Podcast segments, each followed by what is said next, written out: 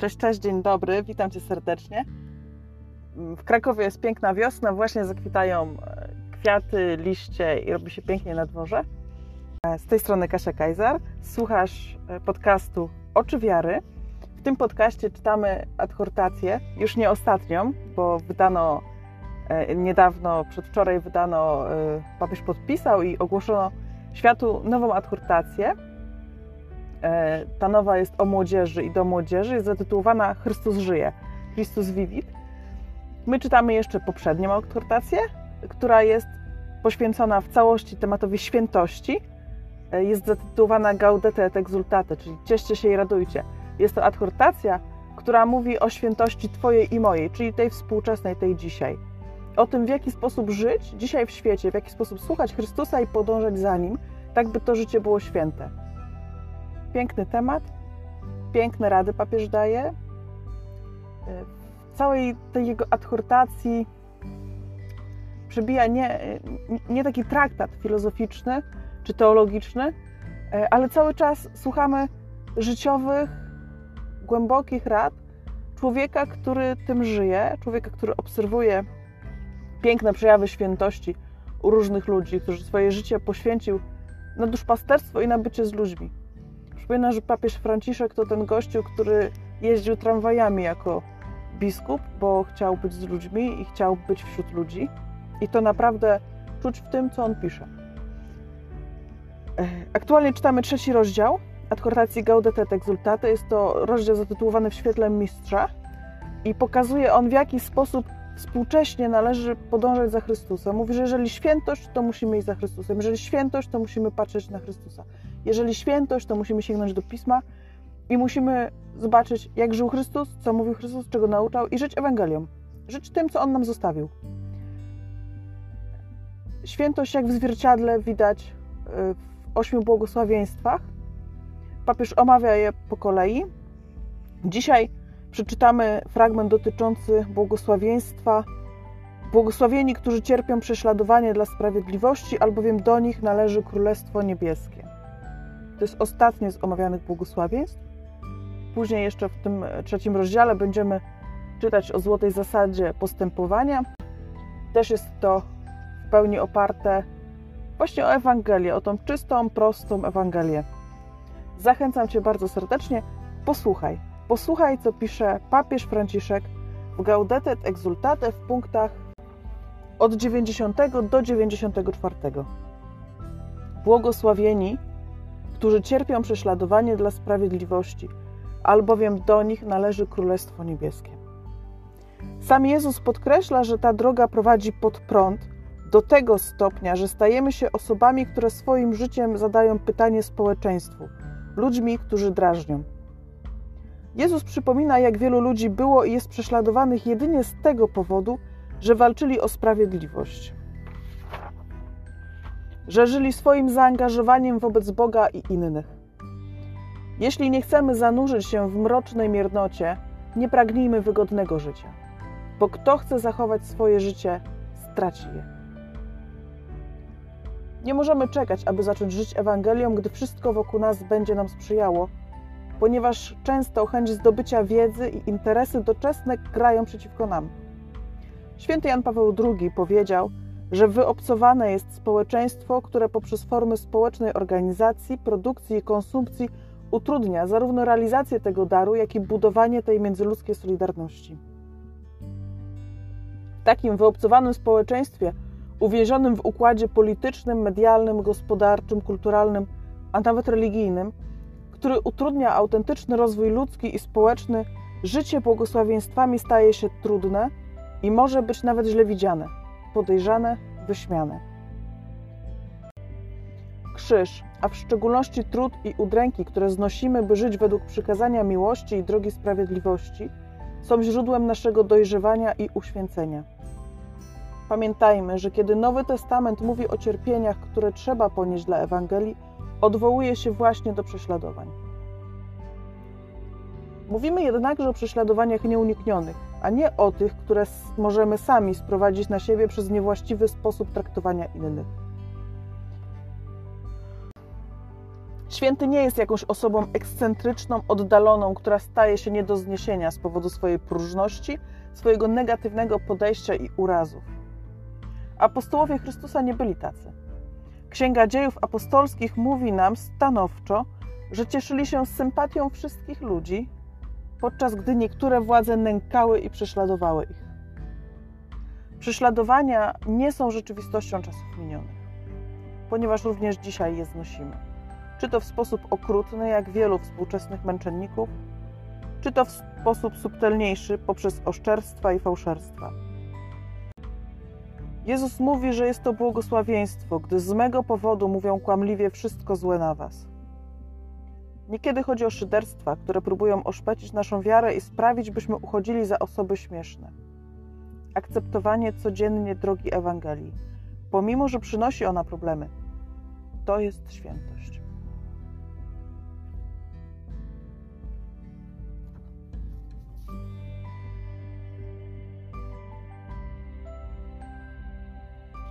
To jest trudny fragment, dlatego że nam się bardzo często wydaje, że on, że on dotyczy tylko prześladowań i że to już są czasy minione. Otóż nie, nie proszę Państwa.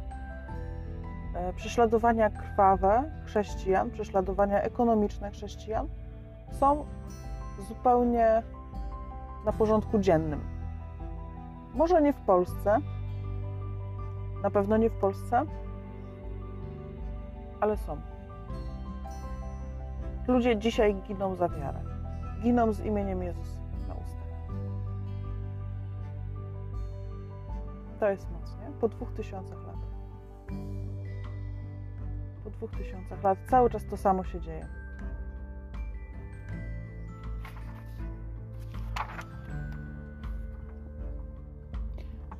Natomiast tak naprawdę nie o prześladowaniu chciałam powiedzieć. Chciałam powiedzieć o tym, co nas dotyczy, co mnie dotyczy, co mnie dotyczy bardzo możliwe, że i ciebie w jakiejś mierze też.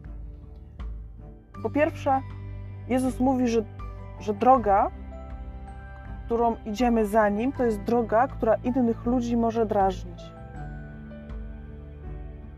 Stajemy się osobami, pisze papież, które swoim życiem zadają pytanie społeczeństwu, ludźmi, którzy drażnią.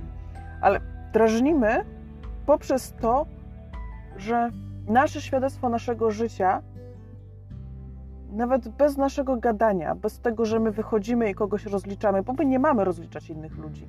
My mamy żyć Ewangelią. I to nasze życie sprawia, że ludzie patrząc na nas myślą sobie, a może jednak się da. A może jednak da się wytrwać z mężem, z żoną do śmierci. A może jednak da się wychować więcej dzieci. A może jednak da się być życzliwym, uśmiechniętym. A może jednak da się być dobrym człowiekiem? A może to jednak jest bardziej wybór niż, niż znak, niż konieczność danego czasu, że my się zachowujemy tak czy inaczej. Ja mam dzieci, które wchodzą teraz w okres szkolny i edukacji, szkolnej edukacji. Najstarszy syn jest w pierwszej klasie. E, jest jeszcze troje młodszych dzieci. I one, my stajemy przed wyborem szkoły i widzimy, widzimy jak trudno jest, mając dzieci w różnych placówkach, w różnym wieku, e, żyć razem z rodziną. Spotykać się, w ogóle się spotykać. Kiedy moje starsze dzieci chodziły do przedszkola i przez pewien czas też młodsze dziecko chodziło do zerówki, do, do, nie do zerówki, do żłobka, i to były dwie różne placówki w dwóch różnych miejscach. Pomimo posiadania w domu samochodu, pomimo tego, że byliśmy razem, we dwoje, to myśmy się nie widzieli z dziećmi. Myśmy je rano zrywali z łóżka. One bardzo, to dzieci, chętnie albo i niechętnie, częściej niechętnie wstawały. Wieczorem przychodziły zmęczone bądź rozdrażnione. Nawet jeżeli dzień w przedszkolu, w żłobku był fajny, no to, to jest wiele, wiele intensywnych godzin dla dziecka, takich, które gdzieś potem musi odreagować mniej lub bardziej. I my też byliśmy zmęczeni po całym dniu biegania i zauważyliśmy, że to jest taki, taki mechanizm, który sprawia, że my się, jesteśmy bardziej drażliwi. No kłócić to się może jeszcze nie kłóciliśmy, ale ale to cały czas było takie napięcie w nas i między nami. I nie było tego, tej sfery bycia blisko siebie, tej sfery takiego budowania miłości, akceptacji, poczucia własnej wartości u dzieci. E, I zaczęliśmy się zastanawiać, czy można inaczej. I dla nas strasznie ważne było to, że są rodziny na świecie, są rodziny w Polsce, tutaj u nas, które żyją inaczej, które odważyły się na coś, co się wydaje bardzo trudne, bo odważyły się wziąć te dzieci z placówek, z przedszkoli, ze żłobków, ze szkół, wziąć je wszystkie do domu i uczyć je w domu, mieć je wszystkie cały czas w domu. I kiedy im powiedzieliśmy, że tak samo zrobimy, to usłyszeliśmy, tego się nie da zrobić, to jest niemożliwe, nie dacie rady, to w ogóle nie, nie wytrzymacie. No może na początku, ale potem nie dacie rady. A my wiemy, że potem też można dać radę, bo są osoby, które dają radę potem, które dają radę, gdy materiału do nauki jest więcej, gdy dzieci są starsze, które dają radę po prostu. I to jest świadectwo. Takie, które, które nam dodaje otuchy, bo nie wiem, czy odważylibyśmy się, e, gdybyśmy nie wiedzieli, że jest ktoś, kto dał radę. I to decyzje tamtych ludzi, którzy, którzy mają swoje dzieci przy sobie i poukładali swoje życie w taki sposób, żeby móc się widzieć, żeby móc tworzyć tą rodzinę codziennie, a nie tylko w sobotę i niedzielę. Chociaż to sobota i niedziela to takie mityczne dwa dni. W sobotę się u nas było zawsze tak, że w sobotę to się odsypiało cały tydzień, a w niedzielę się nadganiało, więc świętości dnia nie święciliśmy należycie, bo, bo się nie dało i to było po prostu fizycznie niemożliwe. A zgubiłam wątek. Tak to jest, jak się człowiek rozgaduje. A już chyba nasze parę minut minęło, nie chcę się zanudzać.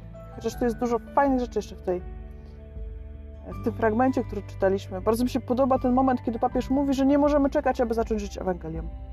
Nie możemy czekać. Nie możemy czekać, gdy wszystko wokół nas będzie nam sprzyjało, bo nigdy tak nie będzie. Nie? Jezus mówi, że będą was prześladować. E, Jezus mówi, że, że nigdy nie będzie idealnie. No i nie jest. I chyba nigdy rzeczywiście nie będzie. Mm. I, I ta przestroga, którą na końcu papież tutaj daje nam, jest też bardzo, bardzo ważna, szczególnie kiedy wchodzimy na drogę głębszego życia Ewangelią i takiego pragnienia pójścia za Chrystusem, mamy taką pokusę, ona jest wtedy bardzo silna, ale pojawia się później, myślę, że do końca życia się pojawia co jakiś czas, taka pokusa, żeby, żeby tak kogoś wkurzyć, nie? żeby tak pokazać, jacy to my jesteśmy inni i lepsi i fajniejsi, albo jacy oni są niefajni, albo tak pokazać palcem, ty robisz to źle, a tam to niedobrze, tutaj się popraw, tutaj coś tam, coś tam, coś tam. To w ogóle nie ma sensu. Papież mówi, że mówimy o prześladowaniach nieuniknionych, a nie o tych, które możemy sami sprowadzić na siebie przez niewłaściwy sposób traktowania innych. Patrz, jak traktujesz innych. Z miłością, z życzliwością, z dobrocią, z otwartością. Tak mamy traktować innych ludzi. Ja wiem, że Pan Jezus ja wiem, że Pan Jezus rozgromił ludzi w synagodze. Ja wiem, że mówił plemię żmijowe do faryzeuszów. Ja, ja, ja to wiem.